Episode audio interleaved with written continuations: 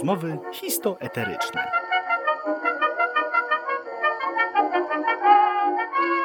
Podcast, w którym ja, Bartłomiej Gawryszewski, prowadzę luźny wywiad z ludźmi znanymi mniej lub bardziej ogólnej opinii publicznej. Na gości czeka przyjazna atmosfera, ale też kilka wyzwań związanych ze znajomością historii w zakresie swoich profesji. Jesteście ciekawi? Po prostu zapraszam. Drogie słuchaczki i drodzy słuchacze, rozmowy histoeteryczne trwają w pełni i moim dzisiejszym gościem jest Krzysiek Łuczak. Krzysiu, witam Cię serdecznie po pół rok, półtora roku przerwy e, ostatniego spotkania naszego. Cześć, cześć. E, no, jak doskonale wiemy, w ciągu ostatniego półtora roku się zmieniło. E, więc no, przede wszystkim powstał ten podcast, ale co się zmieniło u Ciebie od czasu właśnie 10 marca e, zeszłego roku, kiedy gruchnęła pandemia?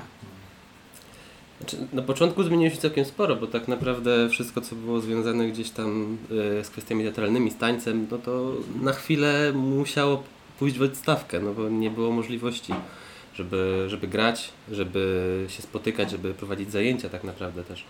Więc w, przez chwilę był, był taki moment, kiedy rzeczywiście te wszystkie rzeczy stricte taneczne w moim życiu, no niestety zniknęły chwilowo, ale dosyć szybko na szczęście to się gdzieś tam odbudowało, chociaż częściowo, bo udało się też nawet zrobić spektakl, który był po prostu nagrany, nie, nie był, premiera odbyła się w e, telewizji tak naprawdę, więc to i tak było duża, duża szansa dla mnie, żeby w ogóle cały czas coś robić, e, jeżeli chodzi o taniec. E, zajęcia online to już troszkę inna kwestia, ale nie moja bajka, więc ja już tam starałem się tego unikać jak, jak, jak tylko mogłem.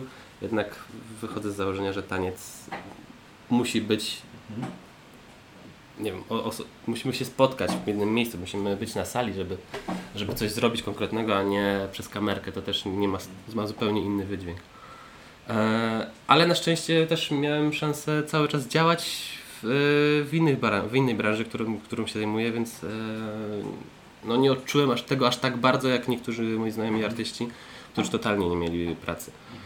Tutaj był, no, tutaj był naprawdę duży problem i to, to pandemia naprawdę te pokrzyżowała plany wielu, wielu osobom pod tym kątem. Okej, e, no ale tobie jakoś tam, przez to, że masz te inne branże, to jakoś tam ci nie pokrzyżowała.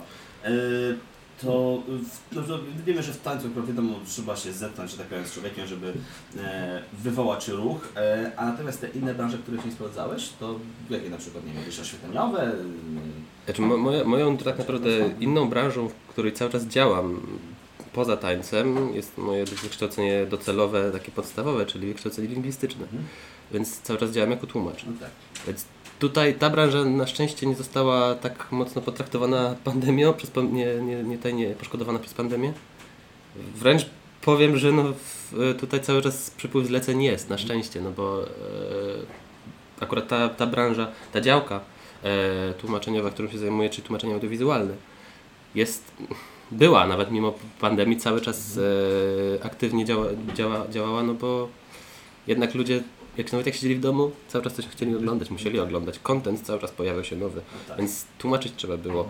A w- mimo tego, że przez chwilę tam nie miałem za bardzo pracy, jeżeli chodzi o kwestie taneczne, no to na szczęście udało mi się to nadrobić troszkę większą liczbą zleceń tłumaczeniowych.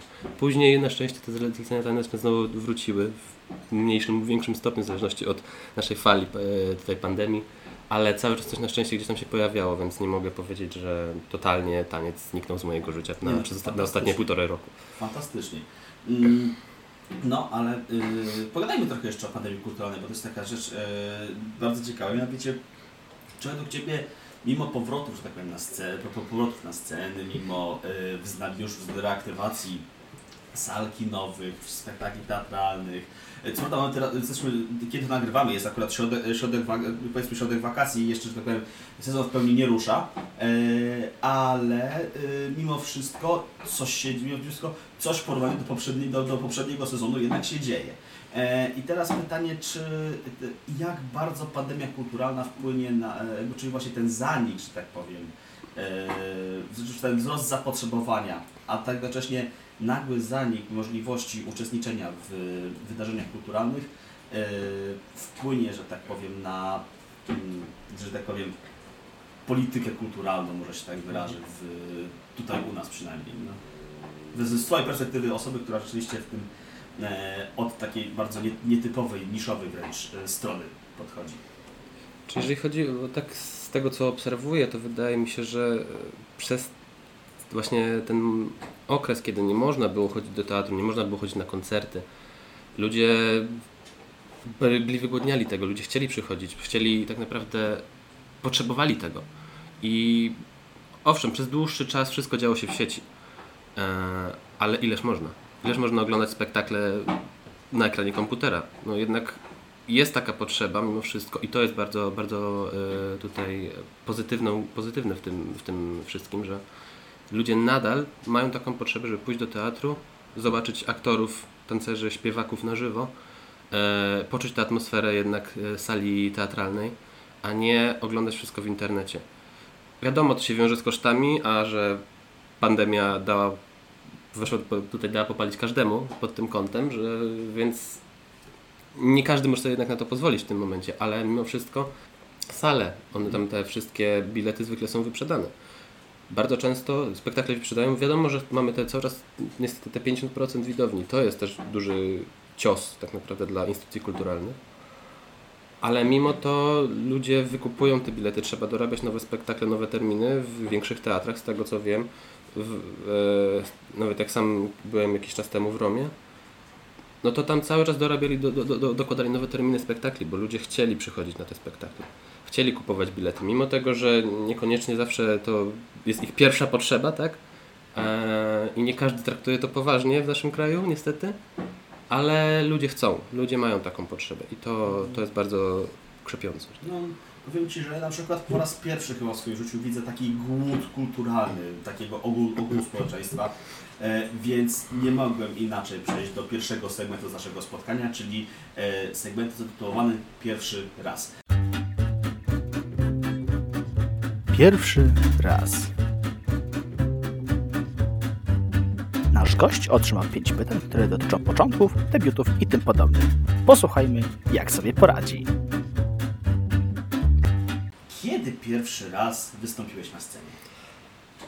No to właściwie było całkiem niedawno, bo dwa lata temu, dwa i pół roku temu, to był marzec 2019 roku. Eee, jeżeli chodzi oczywiście o spektakl teatralny, tutaj podkreślam, eee, bo wcześniej też zdarzyło mi się występować na scenie, eee, ale już troszkę w innej roli, no bo to były akurat mistrzostwa taneczne, więc to też jest zawsze troszkę inna, inna specyfika występu. Jeżeli chodzi o spektakl teatralny, to pierwszy, pierwszym moim spektaklem, w którym tańczyłem był e, Orfeusz i Eurydyka w Warszawskiej Operze Kameralnej. To był e, marzec 2019 roku. Okej. Okay. I czy na, na, na potrzeby tego, bo to jest spektaklu po raz pierwszy brałeś udział w castingu? Nie, to nie był pierwszy casting, ale pierwszy casting tak naprawdę był parę miesięcy wcześniej jeszcze e, w studio, Teatrze Studio Buffo E, gdzie niestety no, wynik nie był pozytywny, ale mimo wszystko e, potem kolejne castingi już były dla mnie troszkę łaskawsze, łaskawsze że tak powiem. Tym bardziej ten pierwszy casting, wiadomo, też nie za bardzo wiedziałem, jak to wygląda, z czym to się je, jak to, jak stres był większy, więc troszkę inaczej e, też do tego podszedł, podszedłem do kolejnych castingów dzięki temu, także zawsze każde doświadczenie jest tutaj na, na plus.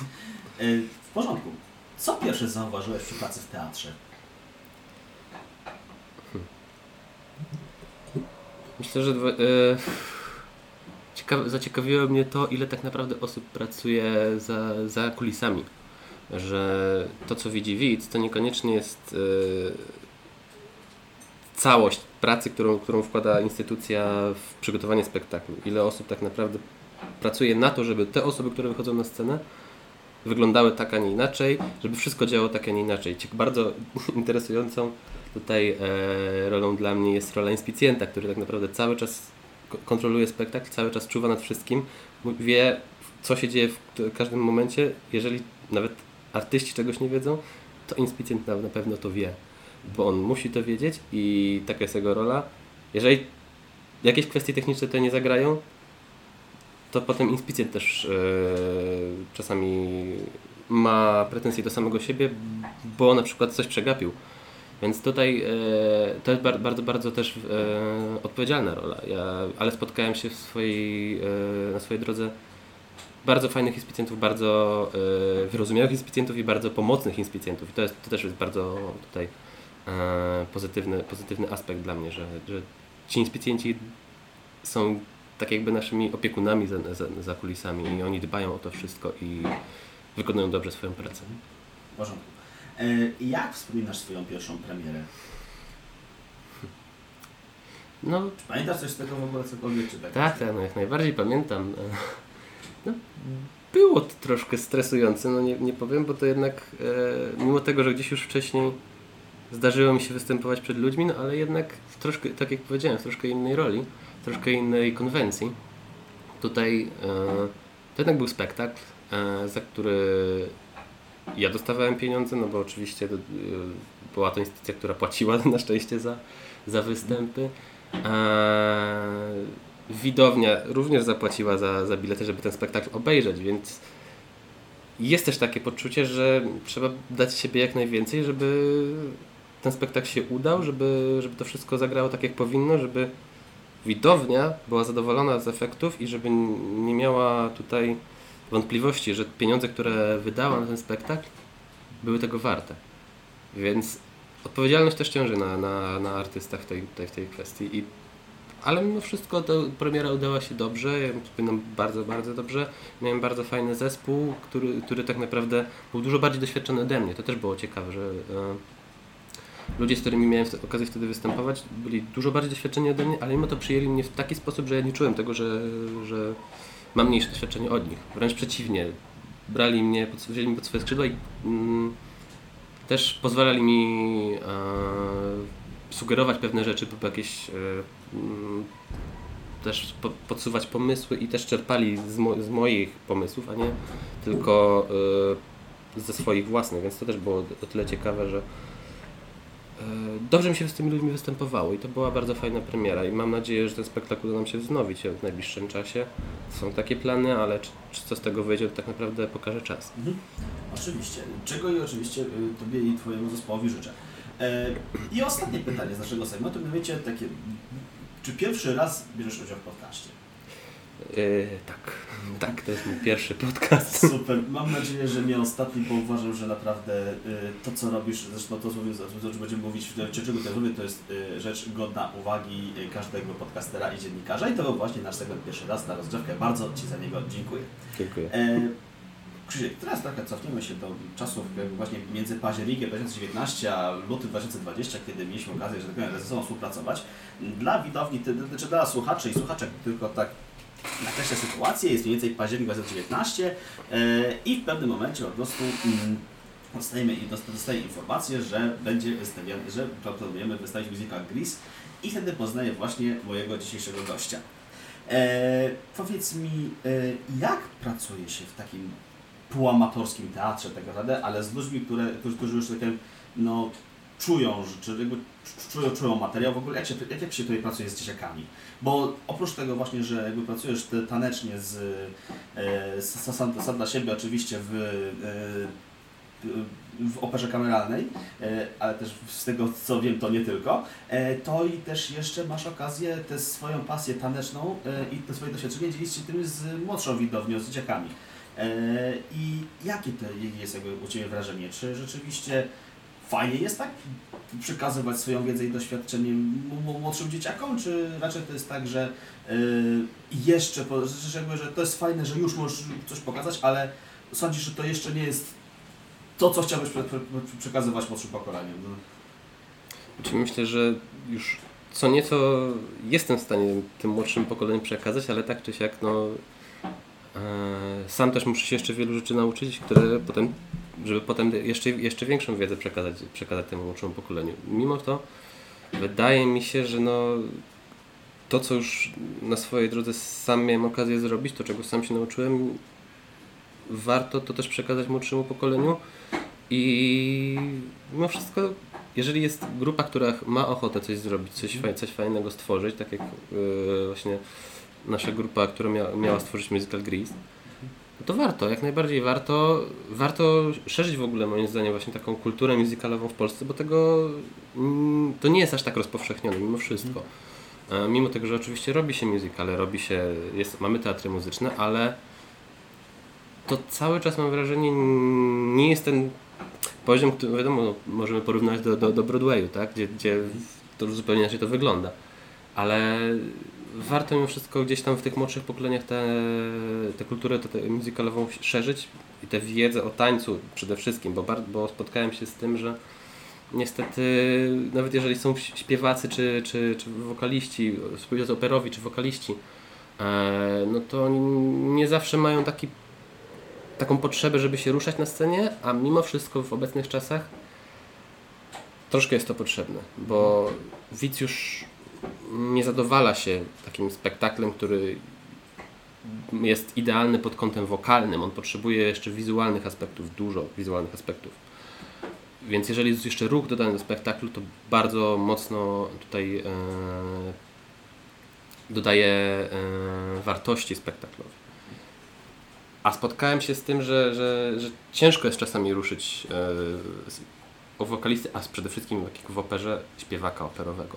Oni mają swój już wyćwiczony warsztat i bardzo ciężko czasami przełamać im to, żeby w, trakcie śpiewu i jeszcze się ruszać, żeby zapamiętać w ogóle jeszcze kroki. To już jest yy, wyższa szkoła jazdy.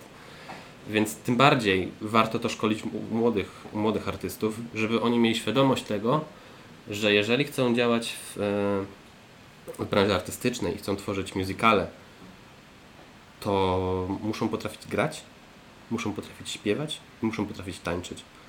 Wiadomo, że nie wszystko musi być, nie, nie, nie, wszystko zawsze będzie na takim idealnym poziomie, nie będziemy specjalistami od wszystkiego, to też nie o to chodzi, ale żebyśmy mieli świadomość tego, że w spektaklu muzycznym mm, i reżyser, i choreograf, i cała e, ekipa produkcji, realizatorów może oczekiwać od nas właśnie tych umiejętności bo też spotkałem się z tym, że no, niekoniecznie aktorzy potrafią, czy tancerze potrafią zaśpiewać, nawet nie mogą zrobić chórków chociażby. Albo i na odwrót, że aktorzy nie, nie potrafią tańczyć, to, to, to, to, co, to co mówiłem wcześniej. I wtedy troszkę ciężko jest to wyważyć, jeżeli mamy na scenie osoby, które niekoniecznie będą odstawać od, od, od reszty w tym, w tym aspekcie. Okej, okay. zostaje jeszcze tylko pytanie w tym segmencie, w tej naszej części rozmowy, pytanie, pytanie taka trochę też jakby no, dywagacja.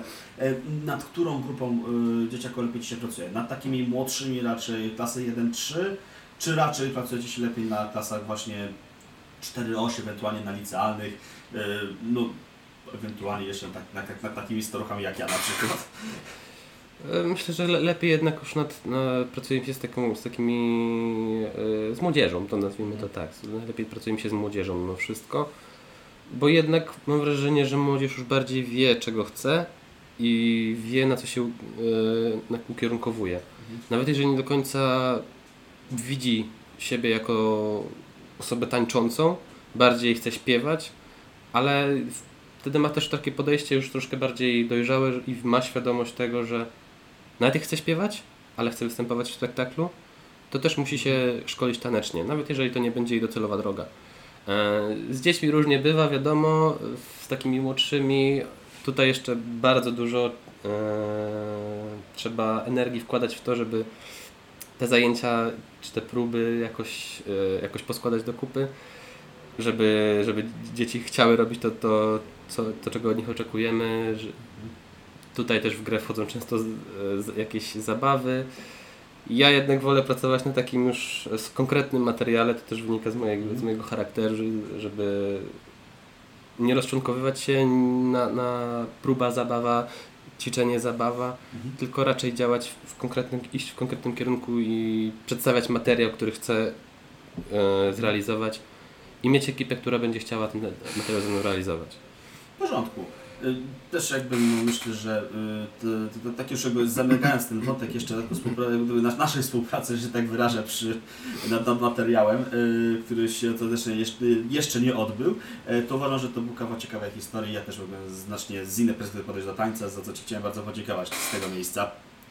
No, mam nadzieję, że będzie nam dane jeszcze do tego wrócić. Tak, mam nadzieję, że historia się powtórzy. Tak samo jak mam nadzieję, że e, kolejni goście będą e, chętnie udzielać się w kolejnym segmencie, czyli w tym, który właśnie goście nie przepadają, czyli czas na naszą odpowiedź z historii. Krzysztof Odpowiedź z historii. Prowadzący zada 10 pytań z zakresu historii Polski i świata, ale tylko w zakresie profesji lub zainteresowań gościa. Zapraszamy do odpowiedzi przy mikrofonie. Jak się nazywa najpopularniejszy musical na Broadwayu obecnie? Tutaj myślę, że ciężko tak naprawdę powiedzieć, wskazać jeden, bo tych musicali na Broadwayu jest troszkę nadal granych i e, wydaje mi się, że no, wybrać jeden z nich, który jest w tym momencie naj, naj, najpopularniejszy, może być ciężko. E, z tych najpopularniejszych, które już od, kil, od, od, od lat są grane, to wydaje mi się cały czas, cały czas chyba jest grany Upiór w operze. Jest grane Chicago, jest grany Król Lew. E, jest tego jeszcze dużo, dużo więcej. Mm, więc nie wiem, no jeżeli miałbym wskazać jeden najpopularniejszy, to nie wiem, na którym się zdecydował. W porządku. No, no teraz takie no, wiadomo, triumfy trzęsie Hamilton i jeszcze In the Heights, ale In the No Heights, tak, no Hamilton rzeczywiście. Tak, to. no, Hamilton teraz jakby, obecnie się mówi na niego, taki na pewno najpopularniejszy muzyka na Broadwayu, gdyż jednocześnie został udostępniony na, na platformę Disney+, która, y, przypomnę tylko tym, którzy są zainteresowani, y, już dostępna będzie od y, lutego przyszłego roku. Jakie są szkoły muzykalowe? Jeśli potrafisz mieć jakieś takie maksymalnie trzy, czy tam y, czy takie szkoły, w których można, że tak powiem, e, po, y, y, zrozumieć, czym musical jest i na co się on składa. No nie może, może, może ty w jakiejś e, byłeś, pracowałeś. Ale mówimy tutaj o, o polskiej, Polskich, tak? tak, O tak. polskich szkołach. No. No chyba jedno z takich większych, które dosyć prężnie działa już od, od, od lat. Jest też szkoła muzykalowa przy Studio Buffo, przy Teatrze Buffo. Mm, Osobiście tam nie miałem okazji tam e, być, e, być e, brać udział w warsztatach, więc też nie wiem jak to działa dokładnie, ale wiem, że ta, ta, taka możliwość jest. Od kilku lat działa też już taka młodzieżowa szkoła Broadway Musical School. Więc i tam z tego co wiem są zajęcia taneczne, muzyczne, wokalne i, i aktorskie, więc jeż- jest, jest tutaj jakiś potencjał. Też wiem, że szkoła wystawia swoje autorskie muzykale zawsze na koniec sezonu. Ale osobiście nie widziałem nigdy e, żadnej, żadnej, żadnej z, produ- z, tych, produ- z tych produkcji, więc też nie wiem jak to dokładnie wygląda. E, Jest też warsztatowa akademia muzykalowa, e, chyba tak to się nazywa, ale tutaj też nie, nie mam doświadczenia z tą instytucją, więc. Ale w- myślę, że warto się jednak tym za, zainteresować. Jeżeli, e, jeżeli ktoś interesuje, interesuje się muzykalem, chciałby spróbować swoich sił, to myślę, że warto tutaj też poszukać w internecie. W- Jest też e, coś takiego jak co, pow, nowo powstały teatr muzyczny Proscenium. Też mm, nawet będą mieli premierę swojego nowego musicalu Little Shop of Horrors tutaj chyba we wrześniu, jeżeli, jeżeli się nie mylę. E, I też wiem, że e, ostatnio robili warsztaty musicalowe, nawet wyjazdowe. Mm, Nie byłem na tych warsztatach, więc też nie wiem dokładnie jak to wyglądało, ale wydaje mi się, że to też jest dosyć ciekawa opcja dla osób in- interesujących się musicalem. Myślałem, że o Gaffie wspomnisz. Z tego miejsca Anny i Mariusza początek chciałem pozdrowić, bo jakby to też, jakby nie patrzeć, chociaż to teatr muzyczny, to też jest to szkoła muzykalowa. No jak najbardziej, to do- dodajemy już tutaj Teatr Muzyczny Gaffa, e, a dokładnie Dziecięcy Teatr Muzyczny Gaffa. E, jak najbardziej pozdrawiamy Mariusza Czaję i miejmy nadzieję, że spotkamy się na próbach do Gris. Też mam taką nadzieję. E, dobrze, powiedz mi, ile ma lat, ma te, ile lat obecnie może mieć teatr Syrena? Gdzie ostat, ostatnich lat, że tak powiem, e, zamiast teatru stricte mm, klasycznego, e, stał się teatrem muzycznym. Ile by się obstawiał mniej więcej? 70, 80, może Trafiłeś, 75 będą mieli w, przyszłym roku. E, 75. No to 75. mamy rosz, okrągłą rocznicę w miarę. Tak, zgadza się. E, dobrze, powiedz mi, e, jaki tytuł nosi najstarszy dramat, jaki e, został zachowany do naszych czasów? No to tu mnie zagiąłeś. E, o, takie nie no, jakby są najstarsze zachowane, w sensie jakby taki najbardziej popularny to oczywiście Antygona Sofok i już wszystkie te, te, jakby ta trylogia y, Sobokle, Sofoklesa. E, Mhm. oczywiście są też starsze, na przykład Aeschyl- Aeschylosa jeszcze, e, gre, też greckie, e, natomiast one, no to teraz jakby no, do nich jest trudniejszy, to jest taki łatwiejszy, który jest też no, w lekturach szkolnych, to przede wszystkim właśnie Król Edyp i Antygona i jeszcze Król Etyp y, na wygnaniu, czy coś w tym rodzaju. Y, Ta, ta trylogia właśnie jest jedną z tych najstarszych.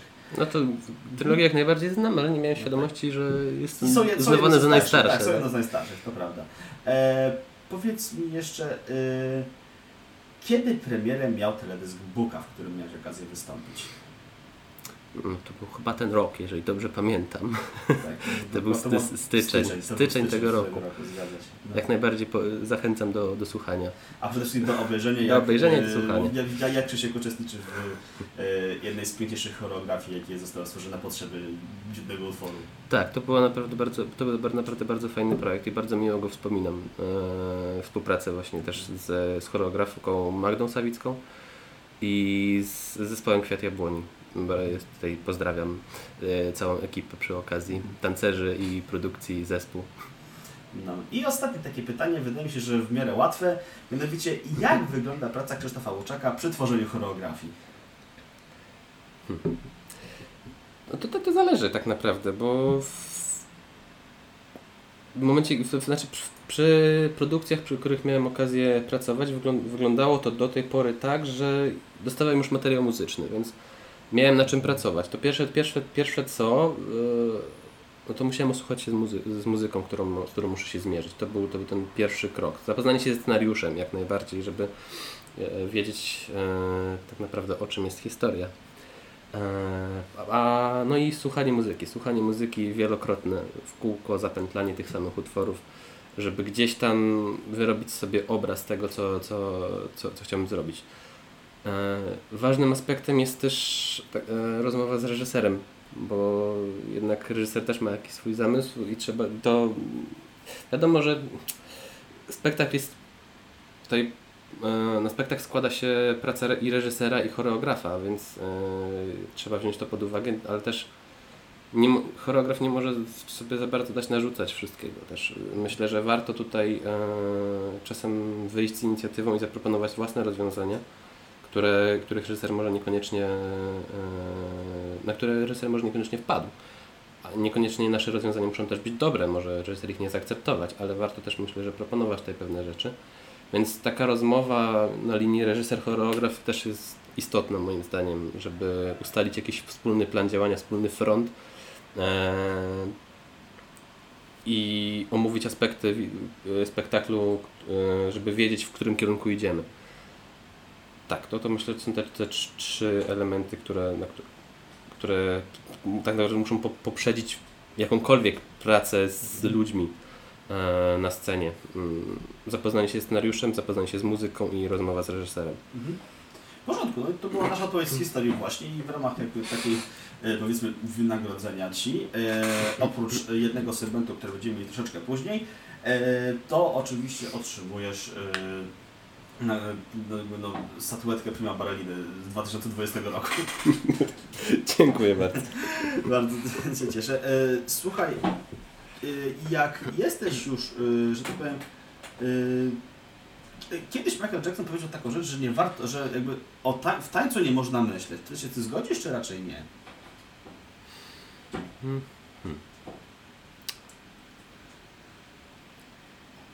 Warto, znaczy powiem- tak, warto czasami nie myśleć w tańcu, ale to musi też być poprzedzone intensywnym etapem myślenia. Innymi słowy, e, żeby móc nie myśleć w tańcu, trzeba najpierw osiągnąć taki poziom, taki, taki warsztat, że żeby to wszystko już było na tyle zautomatyzowane, żebyśmy mogli się oddać tań, e, temu tańcowi w pełni. Bardzo, fa- bardzo fajnym, fajną rzeczą są w ogóle warsztaty na przykład z improwizacji, gdzie o to chodzi, żeby przestać myśleć w tańcu. E, I dopiero jak człowiek przestanie myśleć, to tak naprawdę dopiero zaczyna w- pełni improwizować. I to, to, to jest też o tyle, o tyle ciekawe, że mm, rozwój, jeżeli poprzez improwizację, jest, jest bardzo, bardzo, bardzo ciekawy i bardzo fajny, bo zna- znajdziemy bardzo fajne rozwiązania, e, których nie, znale, nie, nie znaleźlibyśmy, e, w, e, bazując na warsztacie, który mamy. Ale tak jak już e, sam z doświadczenia wiem i z rozmów z pedagogami, z którymi miałem, miałem okazję pracować, żeby taka improwizacja miała sens, to ona musi trwać parę godzin. Do, żeby tancerz mógł wyjść z, e, tak naprawdę ze swoich schematów. żeby przestał właśnie myśleć. Bo jeżeli cały czas jest w swoich schematach, to tak naprawdę cały czas myśli. Cały czas myśli nad tym, co jeszcze może zrobić. Nawet jeżeli przez chwilę wydaje mu się, że nie myśli, to on tak naprawdę cały czas jeszcze jego mózg zastanawia się, co dalej zrobić. A jeżeli przekroczy te granice, to dopiero wtedy zaczyna e, improwizować. Więc wydaje mi się, że to nie, nie myślenie w tańcu ma swoje, swoje zalety, ale mimo wszystko, jeżeli wychodzimy na scenie, to, na scenę, to też musimy mieć na uwadze to, że nie jesteśmy tam sami. I musimy zwracać uwagę na to, co się dzieje dookoła, więc odrobina myślenia na scenie, że jest jednak wskazana. Okej. E, Powiedz mi jeszcze taką rzecz. E, Jakie ty w ogóle choreografie wolisz? Jeśli patrzę o jakby, rodzaj tańca, czy ty bardziej wolisz choreografię z tańcem klasycznym, czy wolisz raczej z tańcem nowoczesnym, czy e, masz jakieś, jakieś hybrydy, czy to jest po prostu zależne od tego, w jakim, że tak powiem, po pierwsze oprócz tego, w jakim stanie rozpoczynać, to jeszcze też tego, jaki masz nastrój. Mm, no naj, najbardziej jednak najchętniej oglądam e, choreografie, które są w stylu gdzieś s, e, które są e, w spektaklach musicalowych, sp- spektakle współczesne, e, tutaj też, też takie stricte taneczne bym powiedział. E, spektakle też chętnie oglądam, bo to też jest gdzieś, gdzieś ten styl tańca, którym sam się zajmuję i sam, sam też szkole bardziej. Właśnie w tańcu muzykalowym, tańcu jazzowym i w tańcu współczesnym. To są moje style docelowe. E, więc bardzo chętnie oglądam tego typu spektakle i mam nadzieję, że będzie ich coraz więcej. Bo tutaj e, też, jeżeli chodzi o taniec współczesny w, w Polsce, w Warszawie, to też jest różnie bywa, ale jednak troszkę tego się, troszkę się tego ostatnio zaczyna dziać i teraz bardzo chętnie właśnie, jeżeli mam możliwość to i czas, to chętnie, chętnie oglądam tego typu spektakle, żeby zobaczyć co się, co, co się dzieje na scenie e, tan, e, tanecznej w Polsce i w Warszawie. Tutaj przede wszystkim w Warszawie, bo tutaj jednak mieszkam, ale ogólnie w Polsce i na świecie tym bardziej. W porządku. E, No to teraz, że tak powiem, trochę będziesz mógł e, zobaczyć, jak e, ja, że tak powiem, będę musiał wyko- wykorzystać jakieś pokłady kreatywności, e, gdyż pora na e, segment, który nazywa się Odwróceni i to Ty w nim będziesz mógł mi zadać pięć pytań na dowolny temat, a ja będę musiał do niego wybrać odpowiedzi. E, W takim razie, Krzysztofie, mm, ja jestem bardzo ciekaw tego, co, e, na, na jakie pytania będę e, musiał Tobie odpowiedzieć. Odwróceni. Tym razem to gość staje się prowadzącym zadaje mu pięć pytań na dowolny temat. Jak sprawdza się w tym segmencie? Sprawdźmy to.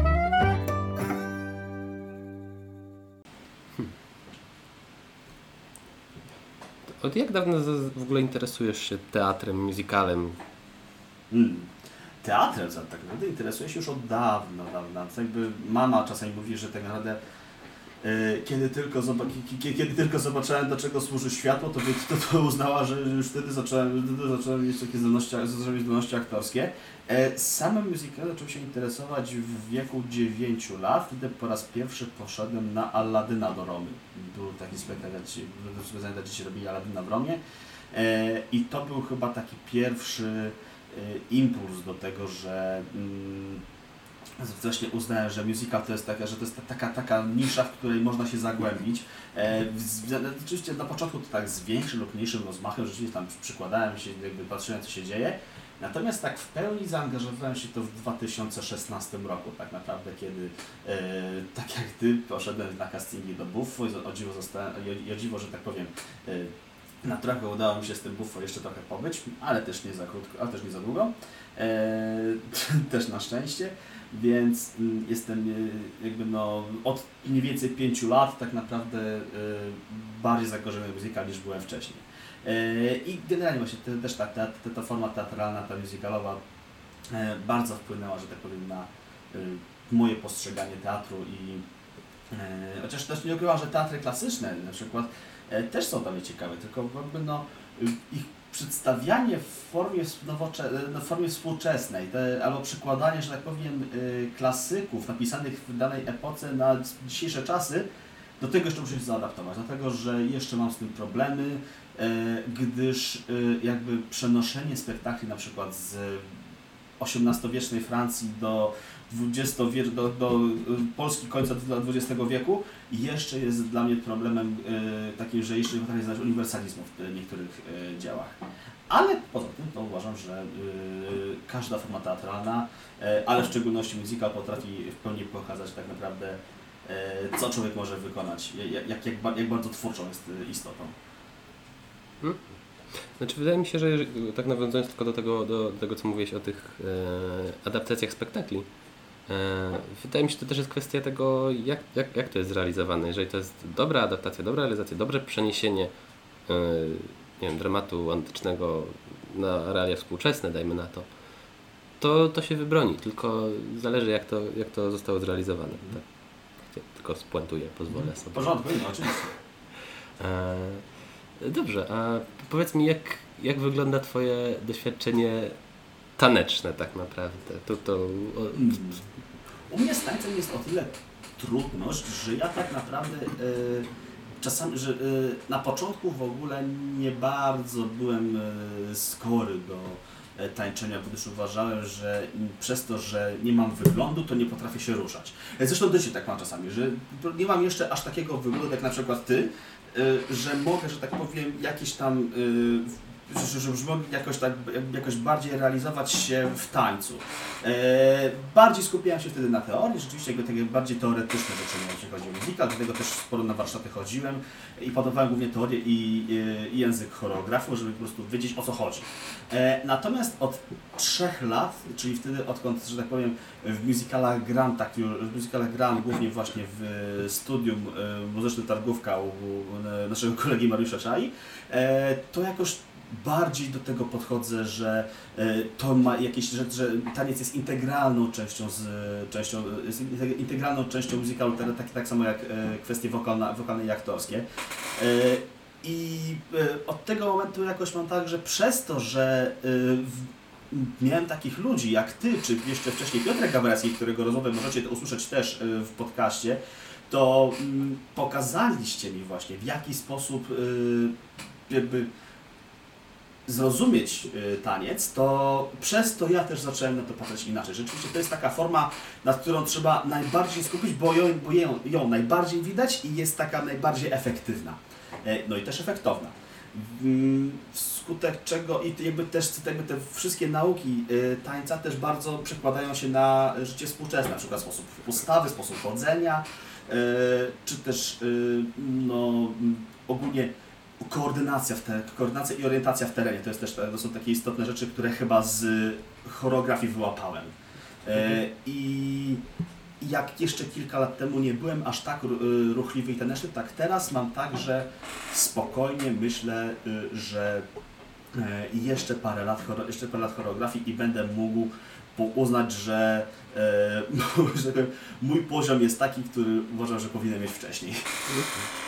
No ale to, to prawda, no, jeżeli chodzi o, o rozwój taneczny, no to nawet jeżeli, tak jak mówiłem już wcześniej, nie planujemy e, jakiejś wielkiej kariery tanecznej, ale mimo wszystko, jeżeli występujemy na scenie, to takie, e, taka świadomość w ogóle ruchu ciała to jest bardzo ważna kwestia, jeżeli chodzi o artystów, o, o, o aktorów, czy nawet czy śpiewaków, czy wokalistów. Więc e, kształcenie taneczne jak najbardziej tutaj bardzo pomaga, to co powiedziałeś w koordynacji, e, w, w, w utrzymaniu postawy na scenie, takiej aktywnej, posta ak- aktywnej postawy na scenie. E, I tutaj bardzo dobrze to robi też aktorom na taka świadomość ciała tego, gdzie w ogóle się znajdują i jak mogą się poruszać po scenie. Nawet jeżeli nie będą nie wiadomo jak tańczyć, to nie, nie chodzi o jakieś wielkie popisy taneczne, bo wiadomo, że od tego już są stricte tancerze w, w spektaklach, Tak. którzy będą te popisy y, robić i będą robić wielkie wow, które, na które widownia będzie reagować. Co więcej, taniec mnie też nauczył myślenia detalicznego, czyli jakby skupienia uwagi na, prost, na, na takie małe elementy, ale które wpływają na całość. Y, Więc jakby i też za to e, Tobie i Piotrkowi dziękuję. No. No, mam, cieszę, cieszę się, że y, mogłem Ci pomóc w tej kwestii i mam nadzieję, że będziemy mogli na tym, nad tym pracować dalej, Jeszcze jeżeli dalej, przyjdzie tak, wrócić w, e, od października na Tak. próby. E, A powiedz mi, czy kiedykolwiek byłeś na takich zajęciach, ale tak stricte tanecznych, nie przygotowujących do spektaklu, tylko tak zajęciach e, w szkole tańca, dajmy na to? Szczerze nie i właśnie dlatego, że po prostu mm, uważam, że szkoła taneczna to dla mnie za wysokie progi. W sensie, jak, jak myślę szkoła, to znaczy, że ja tam muszę już mieć, jak, ja muszę już coś mieć, żeby, że, że, że, że, że tam nie mogę, nie mogę pokazać, że absolutnie niczego z tańca nie potrafię, Ale albo oni, mi tak- tylko wyciągną, albo oni mi po prostu będą wyciągać za uszy, tylko że ja muszę jakiś tam nawet najmniejszy poziom pokazać, żeby wiedzieć, że orientuję się o co w tym wszystkim chodzi. Eee, dlatego, a ponieważ nadal uważam, że się w tym nie orientuję, to y, do szkół tanecznych nie uczęszczałem. E, natomiast mm, mm, no, myślę, że, jakieś tam warsztaty taneczne z tańca na przykład towarzyskiego, to oczywiście bywało wielokrotnie, ale e, raczej bardziej amatorskie niż e, profesjonalne, ale mimo to mm, uważam, że mm, jakby to, co mam i to, co e, jest i tego, to, co jestem w stanie znaleźć właśnie poprzez na przykład warsztaty na potrzeby, na potrzeby spektakli, e, mi w zupełności wystarcza, gdyż e, i tam podłapuję teorię i tam uczę się znacznie więcej niż będzie mi to, niż było mi to, niż miałbym to w e, szkole tanecznej. No. No rozumiem. No tak naprawdę wiesz, no, w, w, szkołach tanecznych też są grupy początkujące, które są właśnie dla osób, które niekoniecznie miały styczność z tańcem, z danym stylem, więc jak najbardziej można tam iść bez uprzedniej wiedzy, ale jak najbardziej rozumiem, że nie jest, nie jest to potrzebne do, tak naprawdę do, do, do, do, do życia, więc to wiedza, którą masz i umiejętności, które możesz nabyć tak naprawdę pracując nad projektem, też jak najbardziej Mhm. są tutaj e, bardzo is- istotne i przydatne. A, a powiedz mi, jaki jest Twój taki ulubiony musical, y, który miałeś okazję widzieć? Czy to na dyskach teatru, czy może w wersji filmowej? Zawsze mam takie pod... Ludzie się pytają często właśnie, jak ja zaczynam dyskutować o muzykale, ja zawsze mam takie, i mam takie trzy ulubione. Pierwszy to jest Jesus Christ Superstar, nie dość, że jeszcze filmowo dobrze wyglądałem, też na teatru też dobrze wyglądałem, w dodatku też sam w nim grałem, więc jak najbardziej jestem zadowolony z tego, że mogłem na wielu płaszczyznach doświadczyć tego musicalu i docenić, i docenić jakby właśnie yy, geniusz Lloyd Webbera i Tima Rice'a, e, w, w jaki sposób oni po prostu połączyli e, te historie. E, No w dodatku jakby ten Christ Superstar, mnie jako praktykującego katolika, to jeszcze jakby no e, przedstawia inną, przedstawia jakby no wydarzenia dla mnie bardzo istotne e, z nieco innej perspektywy e, i też jakby w jaki sposób ta historia nadal żyje. E, Jakkolwiek, że tak powiem, no odchylenia od prawd wiary, które jakby mam, mam, mam głoszone w kościołach, to e, odbiega i mimo różnych opinii, że na przykład niektóre te, różnych instytucji, że te- ten muzyka powinien zniknąć z pamięci e, ludzkiej, to uważam, że wręcz przeciwnie, że trzeba pokazywać perspektywę e, różne. I dlatego uważam, że Jezus Superstar jest świetny i on jest jednym z moich ulubionych. Drugim moim ulubionym e, jest chyba mimo wszystko Hamilton, gdyż e, mimo przesadnej poprawności politycznej, z której Lin-Manuel Miranda słynie, to yy, mimo wszystko przedstawia historię taką, którą możemy uwierzyć, którą możemy znaleźć w źródłach, a mnie jako historyka to też jakby no, e, zachęca do zagłębienia się w XIX-wieczne Stany Zjednoczone. Tematu absolutnie jeszcze nie przez nikogo nie mm, nie przerabianego aż tak bardzo w polskich, przynajmniej no, na, na polskiej scenie historyków. E, A trzeci, a trzeci, a z trzecim non-stop mam problemy, bo nie mogę dodać określić, bo trzecie to jest taki, w którym gra, w którym, gra na przykład wcześniej był Hairspray, wcześniej jeszcze trochę tak później był Grease, e, teraz na przykład myślę, że fajny był, był Twisted, e, więc ich naprawdę jest sporo i to jest zależne od tego, jakby, w którym musicalu gram i jakby ja, jakie inne z tego typu właśnie przypadają mi do gustu. Dobrze, i osta ostatnie pytanie. Jak oceniasz scenę musicalową w Polsce? Czy uważasz, że mamy dobrą, dobre, dobre spektakle musicalowe w Polsce są robione, że mamy dobre podstawy ku temu, żeby takie spektakle robić, czy jednak cały czas e, coś, czegoś brakuje i jednak tutaj trzeba troszkę jeszcze popracować? Inaczej, dobrze zaczynaliśmy, chociażby adaptując Jesus Christ Superstar, y, w którym Jezusa grał Marek Piekarczyk, to była akurat dobrze, dobrze. E, pojawiło się metro i już, już zaczynało się coś nie tak, tak naprawdę. Pojawiło się metro i coś się już zaczęło powoli psuć. E, I potem jakby przez to, że jakby na ta operetka, jak wcześniej przez nas, przez nas nazwana, potem musical właśnie, e, ponieważ on dopiero wchodził i nadal wchodzi w e, świadomość ludzką, to nadal są problemy z tym, że to jest raczej y, rzecz niszowa. Ona nie jest tak popularna jak właśnie w Stanach czy nawet we Francji, gdzie y, tych musicali jest sporo, no, a my znamy tylko Notre Dame de Paris, ewentualnie Rockoperę Mozarta.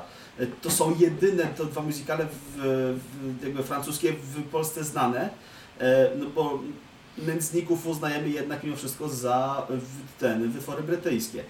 Y, Chociaż, są to, chociaż jest to roz- rozgrywane w czasie XIX-wiecznej Francji. E, Ale właśnie Notre Dame de Paris i Le Rock Musical e, to jest, czy Rock Mozart, Rock Mozart, to są takie musicale francuskie, które jakby no, mimo tego iż są dwa, to są popularne wszędzie we Francji, a w Polsce mamy tylko takie wyrywkowe, e, powstają jakieś, na przykład znam taki jeden, na przykład Kobiety na skraju załamania nerwowego, który co da jest zagraniczny, ale w Polsce jest znacznie lepiej zrobiony, ale mamy też takie y, perełki jak na przykład Pilotów y, z Romy, gdzie jest historia, która miała świetny potencjał na film, na spektakl teatralny, ale nie na musical. Gdyż tam jeszcze, gdyż jakby w musicalu trochę, trochę tak jak w baśniach, potrzebujemy elementy jakieś, tam jest potrzebna taka, tam jest potrzebna taka fabuła, która no wiemy, że raczej się nie wydarzy. Y, raczej ona nie będzie, raczej ona y, jest mm, przerysowana w pewnym momencie. E, Hamilton był pierwszym, który próbował chyba łączyć e, historię, czy w związku z tym nie liczę, bo jakby no, e, bo to jest zależne, czy my uznajemy, że to, co tam ma miejsce w życiu, miało miejsce w historii, czy też nie. Natomiast Hamilton był takim pierwszym musicalem, który próbował przynajmniej łączyć historię z jakby formą musicalu, co się poniekąd udało. Chcieliśmy zrobić tak samo pilotów, ale nie wyszło, ponieważ wybraliśmy taki temat, który jeszcze w Polsce jest rozbudzany. Gdyby był taki ostudzony, na przykład, nie wiem, gdybyśmy wzięli e, na przy- na przykład demokrację szlachecką i stamtąd jakieś e, elementy, gdyby na przykład na musical przerobić nawet straszne dwór Moniuszki, to myślę, że to by już była rzecz, która lepiej by się przyjęła. A nie tak świeży temat jak, druga, jak początki II wojny światowej, gdzie to jeszcze da, dalej tkwi i jeszcze pokolenia, które żyją, pamiętają te czasy. Więc y, tutaj dlatego właśnie mam tak, że zaczynało się dobrze, ale zrobił się regres, a teraz jesteśmy w martwym punkcie przez pandemię. No to prawda. No, no, znaczy, wydaje mi się, że chwil- na chwilę obecną dużo po prostu się robi z musicali, które są adaptacjami zagranicznych. Nie ma tutaj takich pols polskich Mhm. musicali, które e, wystawione byłyby tutaj na, na, na scenach naszych teatrów muzycznych. No tego, tego jest mało. I myślę, że tutaj tak najbardziej cały czas jest pole do popisu. No tak. Yy. I to był właśnie nasz e, segment odwróceni, za który Krzysiu Ci bardzo dziękuję. Bardzo ciekawe pytanie swoją drogą. Ja dziękuję za odpowiedź. Mam nadzieję, że były one w miarę wyczerpujące.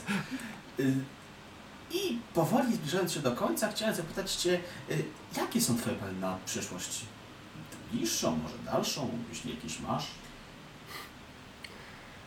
Tak naprawdę czas pokaże, no bo też ciężko powiedzieć, co się będzie działo dalej y, w kraju, jeżeli chodzi o pandemię, więc nie wiadomo na co, na co nam e, sytuacja pozwoli e, tutaj w, w kwestiach kulturalnych. Mm, Chwilowo jakichś wielkich planów na, na, na, na przyszłość nie mam. E, tak naprawdę biorę to, co, co, co mam okazję, co, co, co mi. Biorę to, co, co mi się nasunie po drodze. Nie, nie planuję jakichś wielkich rzeczy, bo też wydaje mi się, że jakieś wiel- robienie, robienie wielkich planów też tutaj nie ma, nie ma, nie ma takiej potrzeby, żeby, żeby, żeby planować nie wiadomo ile. Bo to wszystko e, wychodzi tak naprawdę, w, że tak powiem kolokwialnie, w praniu. Tak więc nie mam żadnych wielkich planów tutaj na, na, na przyszłość. No, czas pokaże, los, co los da, to przyjmę. Okej. E, Czy przy planowaniu masz takie też podejście, że Ty raczej nie jesteś pewny przyszłości, więc mówisz, że czas pokaże? Nie, znaczy w obecnej sytuacji to jest to, troszkę inaczej, tak, bo, bo to bo jesteśmy, w, mamy taką sytuację tutaj w, e, pandemiczną, więc to jest niepewne, nie, dla nas niepewne. E, na co dzień raczej też nie planuję z, z jakimś dużym wyprzedzeniem, bo mam, e, bo muszę sobie ustalać priorytety, jeżeli chodzi o różnego rodzaju zlecenia, które, które otrzymuję. Więc raczej staram się planować z... na krótkoterminowo, że tak powiem. E, bo nie wiem tak naprawdę, co, co, co przyjdzie mi robić za miesiąc czy za dwa, bo mogą pojawić się różnego rodzaju projekty, których nie przewidzę. Więc dlatego zostawiam sobie to, to, to, ten margines tutaj, żeby mieć możliwość cały czas e, planowania na bieżąco niż planowania jakoś długoterminowo. Wiadomo, no, zdarzają się takie projekty, które trzeba zaplanować z dłuższym wyprzedzeniem, ale wiele rzeczy może się w międzyczasie zmienić, więc e, staram się nie, nie aż takich mm, odległych planów nie, nie, nie snuć. No w porządku. I będziemy się zbliżali do końca. Tradycją w podcaście jest to, że ten e, że odcinek kończy segment zwany w eter. Bez żadnej cenzury masz teraz dwie minuty na jakiś apel czy dłuższy wrót do słuchaczy. Krzysztofie, mikrofon jest dla Ciebie. E, to chciałbym tutaj poruszyć jedną taką kwestię, która, którą tak naprawdę też pandemia e, uwidoczniła, a mianowicie to, jak traktowani są artyści w Polsce. I to jest dosyć e, niepokojące, bo niestety artyści uważani są za wielkich celebrytów, którzy zarabiają nie wiadomo o jakiej krocie, a, a tak prawda jest taka, że no te krocie zarabiają osoby medialne, które właśnie są celebrytami. Często oczywiście są to też bardzo zdolni artyści, tutaj tego nie, tego nie neguję, ale jest wielu artystów, którzy działają w teatrach w całej Polsce i to w dużych teatrach, którzy przez pandemię tak naprawdę nie mieli pracy i zostali bez środków do życia, a to jaką opinią e, cieszą się, cieszą, nie cieszą się e, artyści w Polsce, gdzie ludzie uważają, że tak naprawdę artystom nic się nie należy, bo oni tak zarabiają dużo za, przez wszystkie swoje. A, a, a, a artysta to, to nie jest tak naprawdę zawód. Bardzo często też tak się mówi, że, że jesteś artystą, dobrze, ale co, co jeszcze robisz? Z czego tak naprawdę żyjesz?